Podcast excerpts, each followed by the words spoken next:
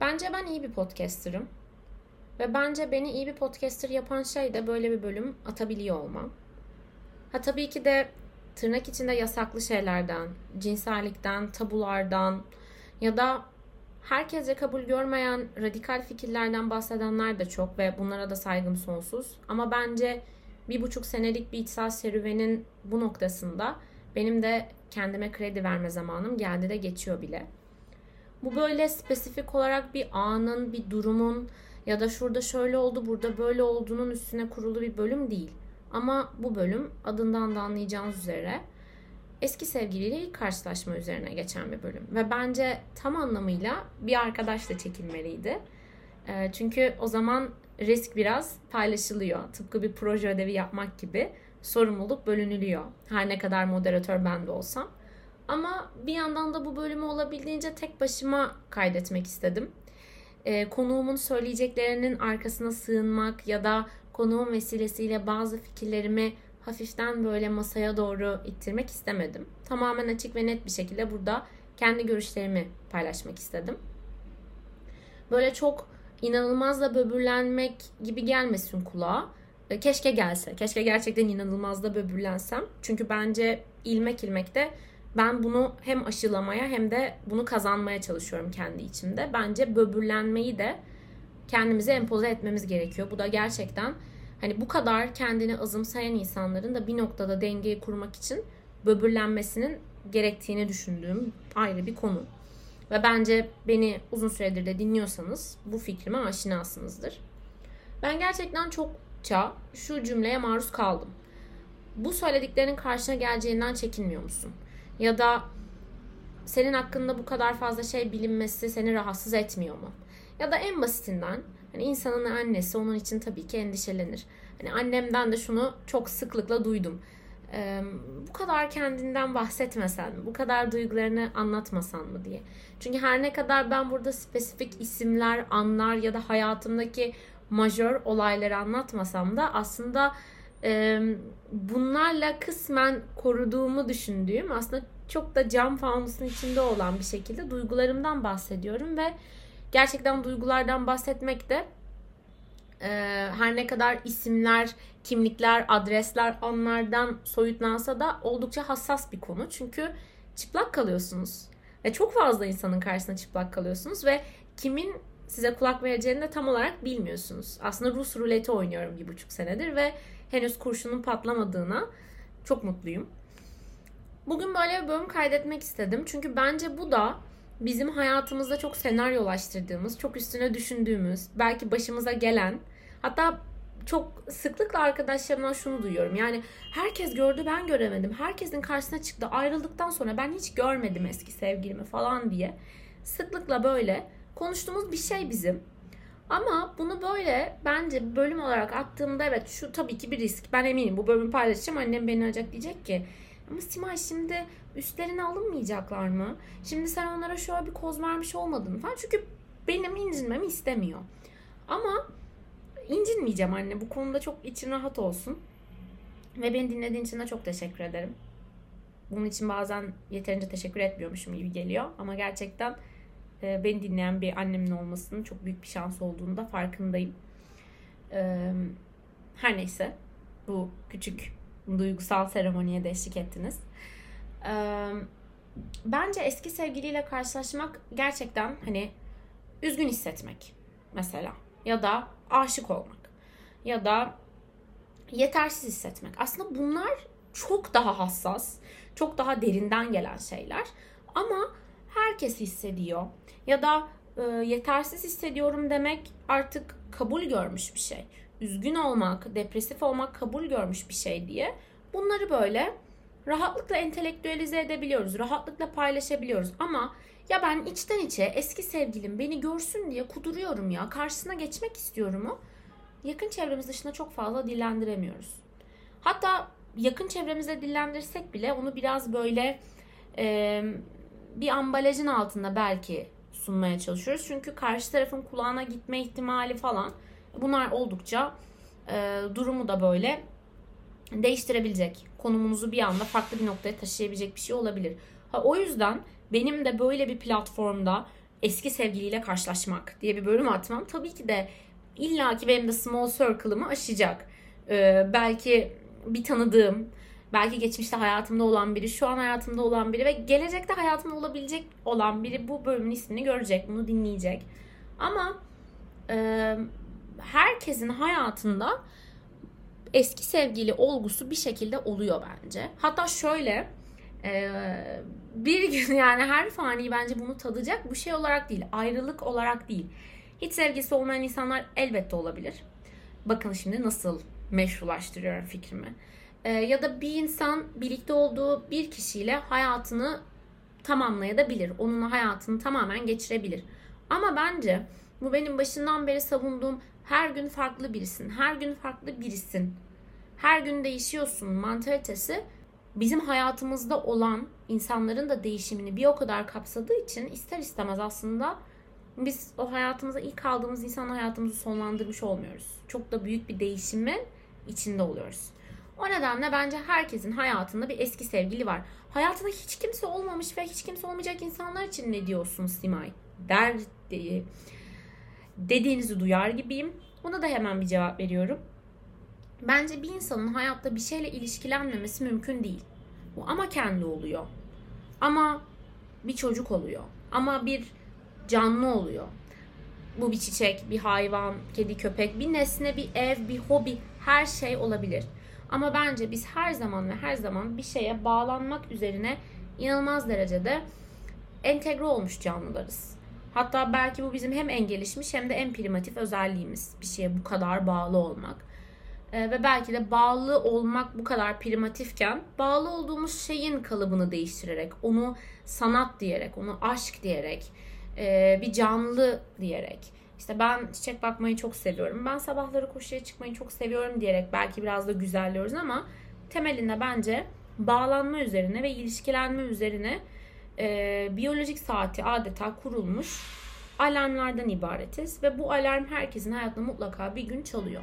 O yüzden de herkesin hayatında bir ilişki mevcut ve her canlı bir gün eski sevgili gerçeğiyle yüzleşecek.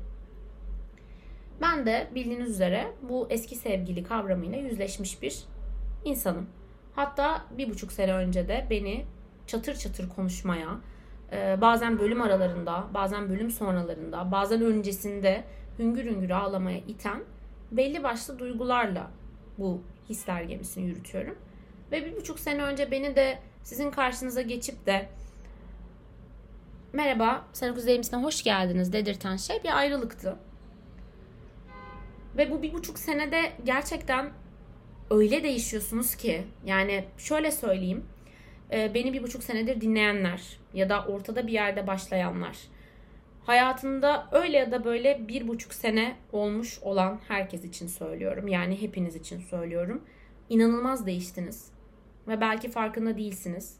Ama benim podcast'ten kazandığım en büyük ikinci şey, birincisi beni dinleyen, bana kulak veren insanlar ve bunu kesinlikle romantize ederek söylemiyorum. Çok samimiyim. Bu benim hayatımı değiştiren bir fact olarak kalmaya devam edecek. İkincisi somut bir şekilde yaptığım her şeyi görme şansını bana vermesi. Her gün, her ay, her hafta düzenli bölüm kaydetmedim elbette. Ama psikolojide öğrendiğim bir şey varsa birinin baktığı yer kadar aslında bakmadığı yerde bir o kadar şey taşır, anlam taşır.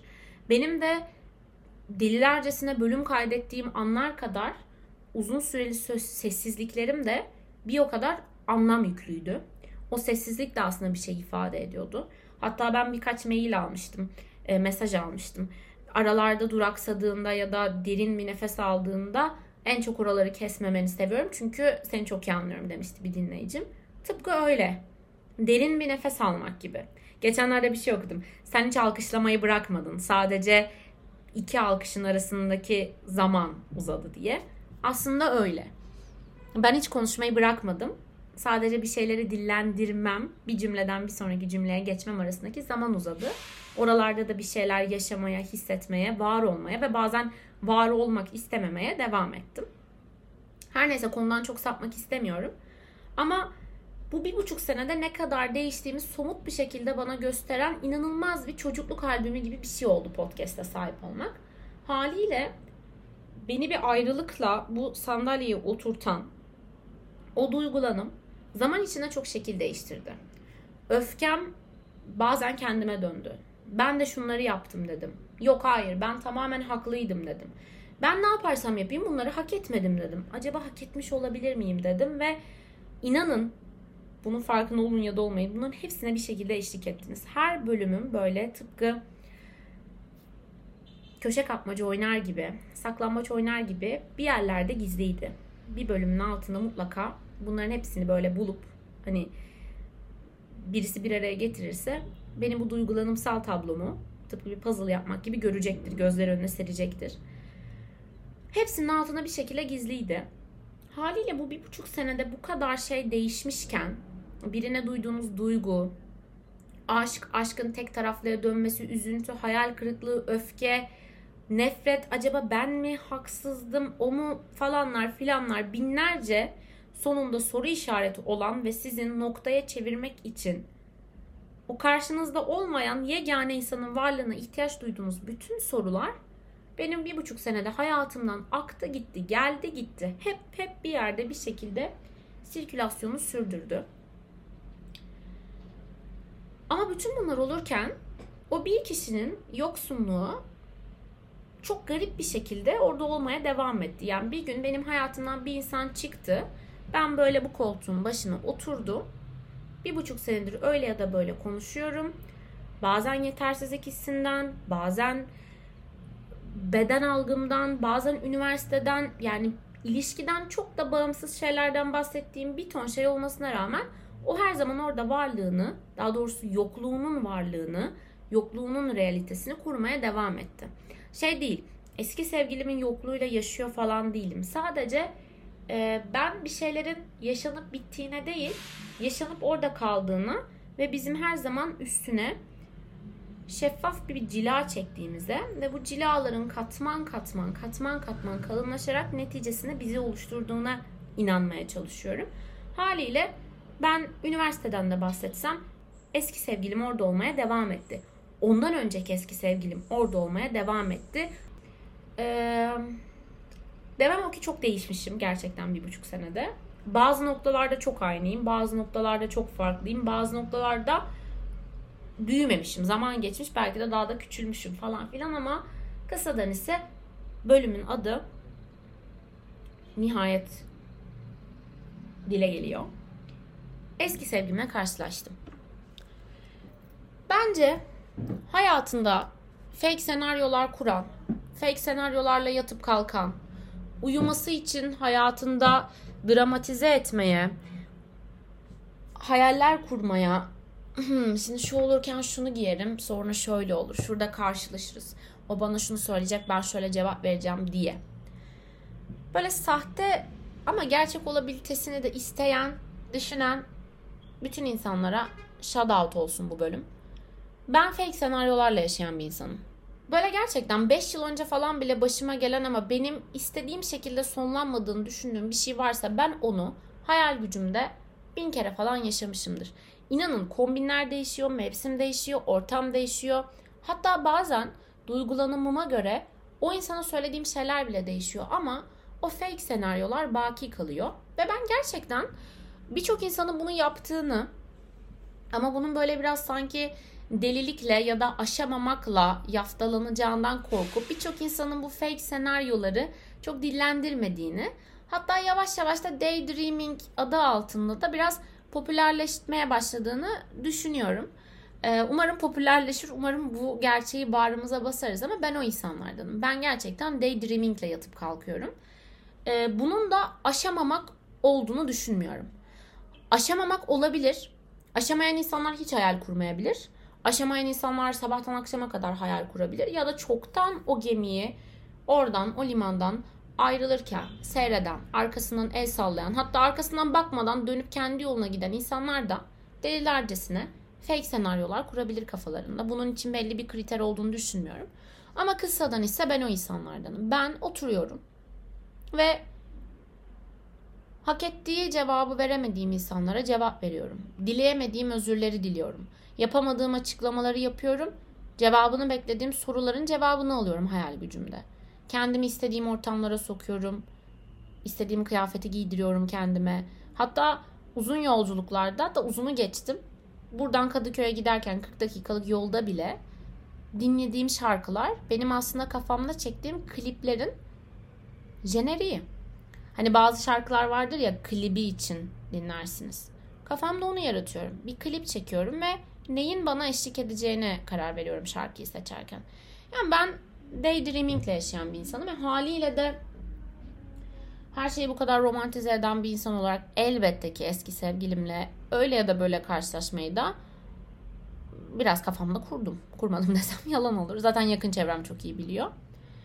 Ki yakın çevremle biz daydreaming üzerine yatıp kalkıyoruz. Yani bununla çok konuşuyoruz. Bence şöyle olacak, bence böyle olacak diye. Ve bu hayatımızın her anında. Mesela benim gelecek planlarımda, İtalya'ya gitmek isteyişimde, İtalya'da yaşadıklarımda, yaşayamadıklarımda. Her şeyde yaptığım bir şey. E tabii ki eski sevgilim üzerine de yapıyordum bunu. E, çünkü az çok çıkarım yaptıysanız şayet e, çok böyle askıda biten oğlum iyi gidiyordu lan ne oldu şimdi hani final yapmadı falan diye bazı yaz dizileri falan vardır ya büyük beklentiyle oturursunuz başına harbi de sarar sizi. Ama sırf başkaları izlemediği için siz reytinge kurban gidersiniz ve sevdiğiniz ve muhtemelen seveceğiniz bir dizi şak diye ortada biter. Bu ilişki tam olarak benim için böyleydi. İki kişinin izlediği bir diziydi. Aynı zamanda oynadığı. Ama karşı taraf o kadar da bu diziden e, galiba keyif almıyordu ki biz reytinge kurban gittik ve e, ben sonunu getiremedim bu şovu. Nasıl bitiyor falan bilmiyordum. Haliyle sonunu kendi kafamda tamamlamaktan başka da çok bir çarem yoktu. Bunu zaman zaman yapıyorum. Acaba şöyle mi olur, böyle mi olur falan. Geçenlerde oldu. Geçenlerde eski sevgilimi gördüm. Bence dediğim gibi bunun üzerine daha fazla konuşmamız gerekiyor. Çok saniyelik bir şey yani dışarıda random bir insanla göz göze gelmek gibi bir şeydi. Hani random bir insanla böyle otobüste kafanızı kaldırdığınızda böyle durağa falan bakacaksınızdır. Göz göze gelirsiniz de kafanızı çevirirsiniz ya. Hele ki günümüzde böyle biriyle göz göze gelmemek için de biraz çaba sarf ettiğimiz bir dönemde hani yanlış anlaşılırım falan diye. Öyle bir şeydi yani. Kalabalığın içinde göz göze gelmek ve tanıyıp tanımadığınızı, kim olup olmadığını düşünmemek ve doğrudan kafanızı başka bir yöne çevirip yaşamaya devam etmek gibiydi. Nitekim öyle de oldu. Ve oldukça garipti benim için. Çok uzun bir aradan sonra eski sevgiliyi görmek ya da ha siktir ne oluyorsun falan değil de çok uzun bir aradan sonra olsun ya da olmasın. Yani ayrılıp ertesi gün görün ya da 1, 2 yıl, 3 yıl, 10 yıl sonra falan görün fark etmiyor. Bir zamanlar hayatınızda çok yakınınızda olan hani gerçekten bu sevgililik ve onun getirdiği yakınlıktan bahsetmiyorum. Yani gerçekten e, bir noktaya kadar iç dünyasını bildiğiniz ya da bilip bilmediğiniz çok sizin tek elinizde olmasın.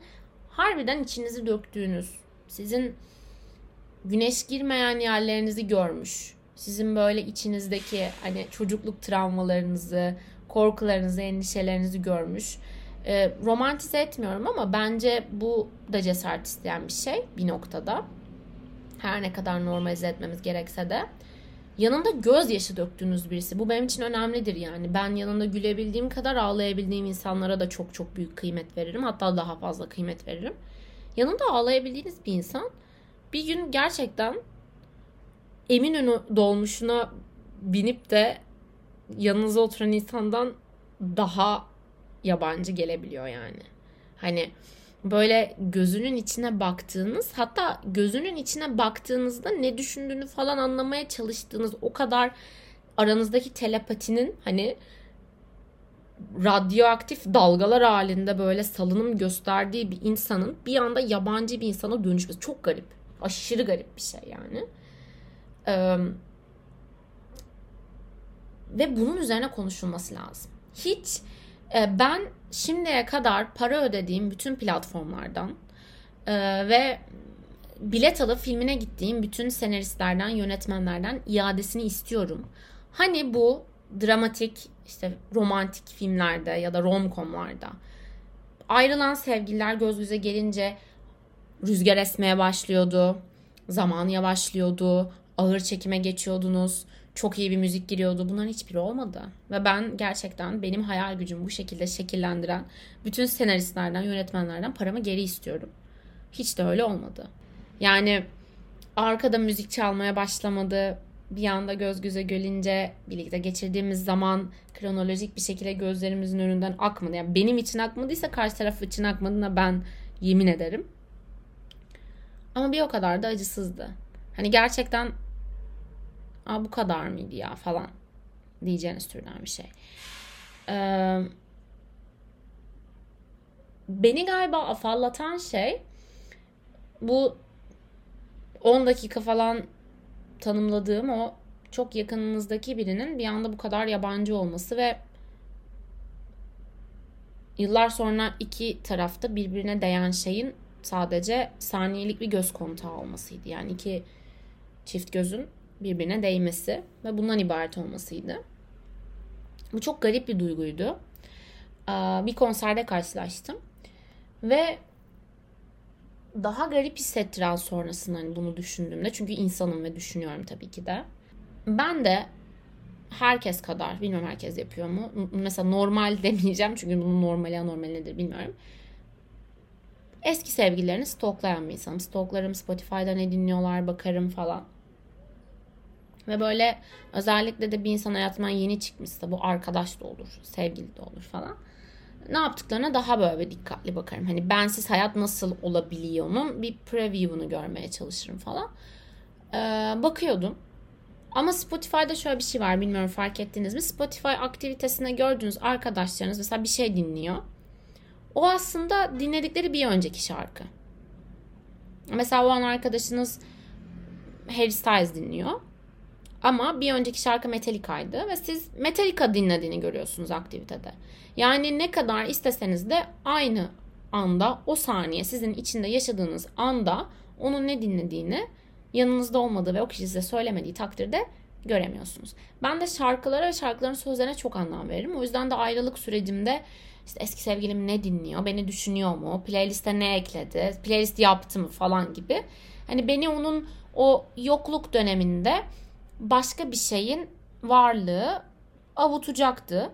O varlık da orada şarkılardı işte ne dinliyor, ne yapıyor, acaba bu şarkıda aklına geliyor muyum? Hadi şimdi tamamen şarkıya odaklanıp onun gözünden dinlemeye çalışayım. Onun yerine koyayım kendimi. Bakalım ben gerçekten bu şarkının içine gizli miyim falan gibi. Aşırı böyle bir yoklukla mücadele etme sürecim vardı. Sonra işte bir gün fark ettim ki hiçbir zaman aynı anda o şarkıyı dinlemiyor olacağız yani. Çünkü Spotify her zaman bir önceki şarkıyı gösteriyor falan. Bu benim için yıkım olmuştu. Çünkü bir insanın hayatınızda olmaması kabul edilebilir bir şey. Ee, yollar ayrılır, devam edersiniz. Ama artık bir insanla aynı zamanı paylaşamamak çok farklı bir duygu. Hani o insanın hayatından çıktığınızı bir şekilde kabulleniyorsunuz ama o insanın zamansal olarak gerisinde kalmak çok garip. Hani gerçekten o Interstellar'ın meşhur e, cama vurma sahnesi gibi bir şey oluyor yani. Karşı taraf sizi duymuyor. Karşı taraf önde. Siz geriden geliyorsunuz ya da siz işte anladınız siz beni. Haliyle bu bilgi beni şok etmişti. O yüzden de çok uzun bir aradan sonra bu kişiyi kanlı canlı görmek ve sonra bunun bir konser ortamında olması ve çok uzun bir aradan sonra hani benim arabaya binip kendi isteğimle şarkıları açtığım ya da birlikte bir mekanda müzik dinlediğimiz ya da birlikte bir konsere gittiğimiz anların dışında yıllar sonra literally aynı anda aynı müziği dinliyor olmak acayip garip geldi bana. Ve ben çok uzun bir süre sonra eski sevgilimle karşılaşmanın verdiği bu farkındalıkla aynı anda olmanın, biriyle aynı anda kalabilmenin aslında ne kadar değerinin farkında olmadığımız bir şey olduğunu gördüm. Çok saçma bir bilgi var kafamda. Bu bilgiyi nerede kullanacağımı bilmiyordum. Bu bölüme kısmetmiş. Ee, böyle bir tane çizgi film gibi bir şey vardı. Böyle bir şeylerin keşfinin nasıl olduğunu anlatıyordu. e, böyle çubuk adam çizimleriyle ve orada salebin nasıl olduğu ile ilgili bir bölümdü. Salep mi vanilya mı ne ve bu işte orkidenin özü. Yanlış hatırlamıyorsam. Ee, ve tabii insan evladı her şeyde olduğu gibi bir şeyi bulduğunda sonsuz bir rezerve olduğunu düşünüyor. Ama işte şimdi artık doğal salep, %100 doğal salebe ulaşmak neredeyse imkansız. Artık yasak. Çünkü artık o polen alındığı için orkideler çoğalamıyor falan filan. Böyle bir şey vardı yani. Her neyse bu bilgiyi de kullandığım için çok mutluyum. Daha gereksiz bir bilgi için bir yer açıldı. Aynen öyleydi yani. Bence bu insanlar da bizim hayatımızda bir şeyin icadına tekabül ediyor. Bulduğumuzda sonsuz bir rezerv varmış gibi düşünüyoruz. Geçireceğimiz her zaman sonsuzmuş. Artık onu bulduk ya. Öyle sonsuza kadar gidecekmiş gibi düşünüyoruz. Aynı anda aynı yerde olabilmek. Aynı yerde aynı şeyin tadına bakabilmek. Aynı güneşi görmek, aynı müziği dinlemek o kadar farklı ve o kadar aslında farkına varmadığımız bir deneyimmiş ki onu fark ettim. Ha tabii Aynı güneşi seyretsek bile bazı insanlara biz manzarayı gösterdiğimizde parmağımızın neyi işaret ettiğini değil, parmak ucumuza bakmayı tercih edecekler. Belki aynı noktaya, aynı konuma baksak da bazı insanlar görmüyor olacak. Bazı insanlar uzak gözlüğünü takmıyor olacak. Bazı insanlar bulanık görüyor olacak. Bazı insanlar bakar kör olacak. Bakacak ama sizin hissettiğinizi sizin gördüğünüzü, sizin anladığınızı o kompozisyondan çıkartmıyor olacak. Ama öyle ya da böyle anda olabilmek çok farklı bir şey. Yanlış anlaşılmak bile iki insan aynı anda olunca çok kıymetli bence. Çünkü düzeltme şansım oluyor. O yüzden gerçekten yıllar sonra bir zamanlar hayatımda olan ve çok kıymet verdiğim bir insanın benimle aynı yerde bulunması, aynı yerde aynı şeyi dinliyor olması çok farklıydı. Çünkü ben podcast'te de dinlenmeme, işte kendimi ifade edememe ve bunun bende yarattığı yani ben sessiz kalamıyordum. Ee, bir şey söylemek istiyorsam anında söylemek istiyordum. Yani karşı taraf bunları duymaya hazır mı? Beni dinlemek ister mi? Acaba duyacağı şeyler ona ağır gelir mi gelmez mi onu düşünmüyordum. Ben o duyguların bende yarattığı şeyi kusmak istiyordum sadece. Yani hani artık aşırı midem bulanınca nerede olduğunu çok da önemi yoktur. Bu yüzden de bazı insanlar sokağa kusar yani. Öyle bir moddaydım. İçimdeki her şeyi dökmek istiyordum ama o dinlenme arzum karşı taraf tarafından karşılanmıyordu. Ben de ne yaptım? Podcast'a başladım falan. Haliyle buradan da anlayabilirsiniz. Duyulmak, dinlenmek, aynı anda aynı şeyi işitebilmek ne kadar büyük bir önem taşıyor benim hayatımda. O yüzden harbiden çok farklı bir deneyimdi. Çünkü ilk defa 3-5 şarkı geçiyordu. Biz 3-5 şarkıda da aynı ortamda bulunmaya devam ediyorduk. Çok garip bir deneyimdi benim için. Umduğum kadar dramatik olmaması, hayalini kurduğum kadar anlamlı olmaması, böyle göz göze geldiğimde karşı tarafın ben Sima'ya neler yaptım falan dememesi tabii ki biraz da bizim izlediğimiz, okuduğumuz şeylerden ve bize dikte edilen ayrılık hikayelerinden kaynaklıydı ama e, yine de bu muymuş ya dediğim bir iğne acısı gibi olması da bir noktada benim için çok kıymetliydi. Bunu neden anlattım? Çünkü bilmeniz gerektiğini düşündüm. E, aramızda bunun hayalini kuran ya da bunun olma ihtimalinden korkan, karşılaşmaktan çekinen, ee, ve belki bu yüzden kendini sınırlandıran insanlar vardır bilmiyorum. Ama bu o insanlara bir shout olsun. Sandığınız kadar can yakmıyor. Sadece hayatınıza dair inanılmaz bir flashback oluyorsunuz. Oha diyorsunuz yani gerçekten. Hani yıllar sonra liseye, okuduğunuz ilkokulu, okuduğunuz liseye dönmek gibi bir şey falan. Yani böyle sınıfa girersiniz Aa şu sırada ben oturuyordum falan artık başkası oturuyor falan. Aa işte en sevdiğiniz öğretmen artık başkası onun favori öğrencisi artık siz değilsiniz falan gibi. Ee, öyle bir şeydi yani. Eski liseme gitmek gibiydi. Çok eskiden sıktığım bir parfümün kokusunun burnuma gelmesi gibiydi. Hatta şöyle bir şey de yaşadım. Çok anlık bir şeyden bahsediyorum. Saliselik bir şey. Saliselik bir insanı gördüm yani. Ama o insanlarken hissettiğim bazı duygular anlık da olsa bana çöreklendi. Yani şey oldum. o zaman kendini biraz yetersiz hisseden, partnerini inanılmaz idealize ettiği için ne yaparsam ona layık bir insan olurum karmaşasıyla kendini biraz böyle ucube gibi hisseden, yetersiz hisseden, ben elimi neye atsam onun kadar harika yapamam yetersizlik duygusuyla hiçbir şey yapmak istemeyen ve belki de bir şey adım atmaktan kaçınan Sima'ya anlık da olsa bir geri döndüm.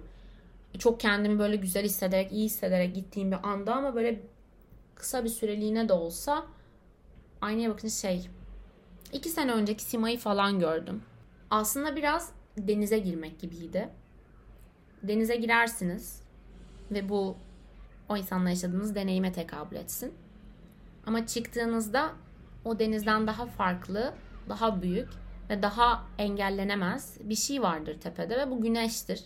Çünkü denize girmek, o anı yaşamak ya da denizin kıyısında durmak sizin kararınız olabilecek bir şeydir ama tepedeki, tepedeki güneşe engel olamazsınız. Hatta güneşin olmaması da ertesi gün doğacağı gerçeğini değiştirmez. Hatta doğmadığı takdirde de bir şeyler yolunda gitmeyecektir. O yüzden aslında orada güneş benim o insanla ilişkimde, o denize girme deneyimimde zamana tekabül ediyordu. Evet ben o denize girdim, o deneyimi yaşadım ve çıktığımda güneş beni kuruttu ve üstümde o denizin tuzu kaldı. O deneyim kaldı. Ama silkelendiğim zaman artık kuruduğum ve yüzme deneyimimin geçmişte kaldığı gerçeğini de kabul etmek gerekiyordu. O yüzden o üstümdeki tuzu, o iki sene önceki simayı ve yetersizlik hissini silkelenip atmaya çalıştım. Ki denizden büyük bir şey var. O da tepedeki güneş. O da kolumdaki saate tekabül ediyor. Geçen yıllara tekabül ediyor. O yüzden dediğim gibi bir kez daha ne kadar büyüdüğümü, zaman zaman ne kadar küçüldüğümü, çok olgunlaştığımı düşündüğüm anlarda belki de en çocuksu mental e, statement'ımı yaşadığım anları gördüm. Benim için çok iyi bir flashback'ti. Bunu da sizinle paylaşmak istedim. Galiba 38. bölümün sonuna geldik. İstediğiniz gibi bitti mi bilmiyorum. Çok benim istediğim punchline'da bitmedi ama eski sevgiliyle karşılaşmak da böyledir zaten. Umutsuzluğa alışmayın, yatağa küs girmeyin.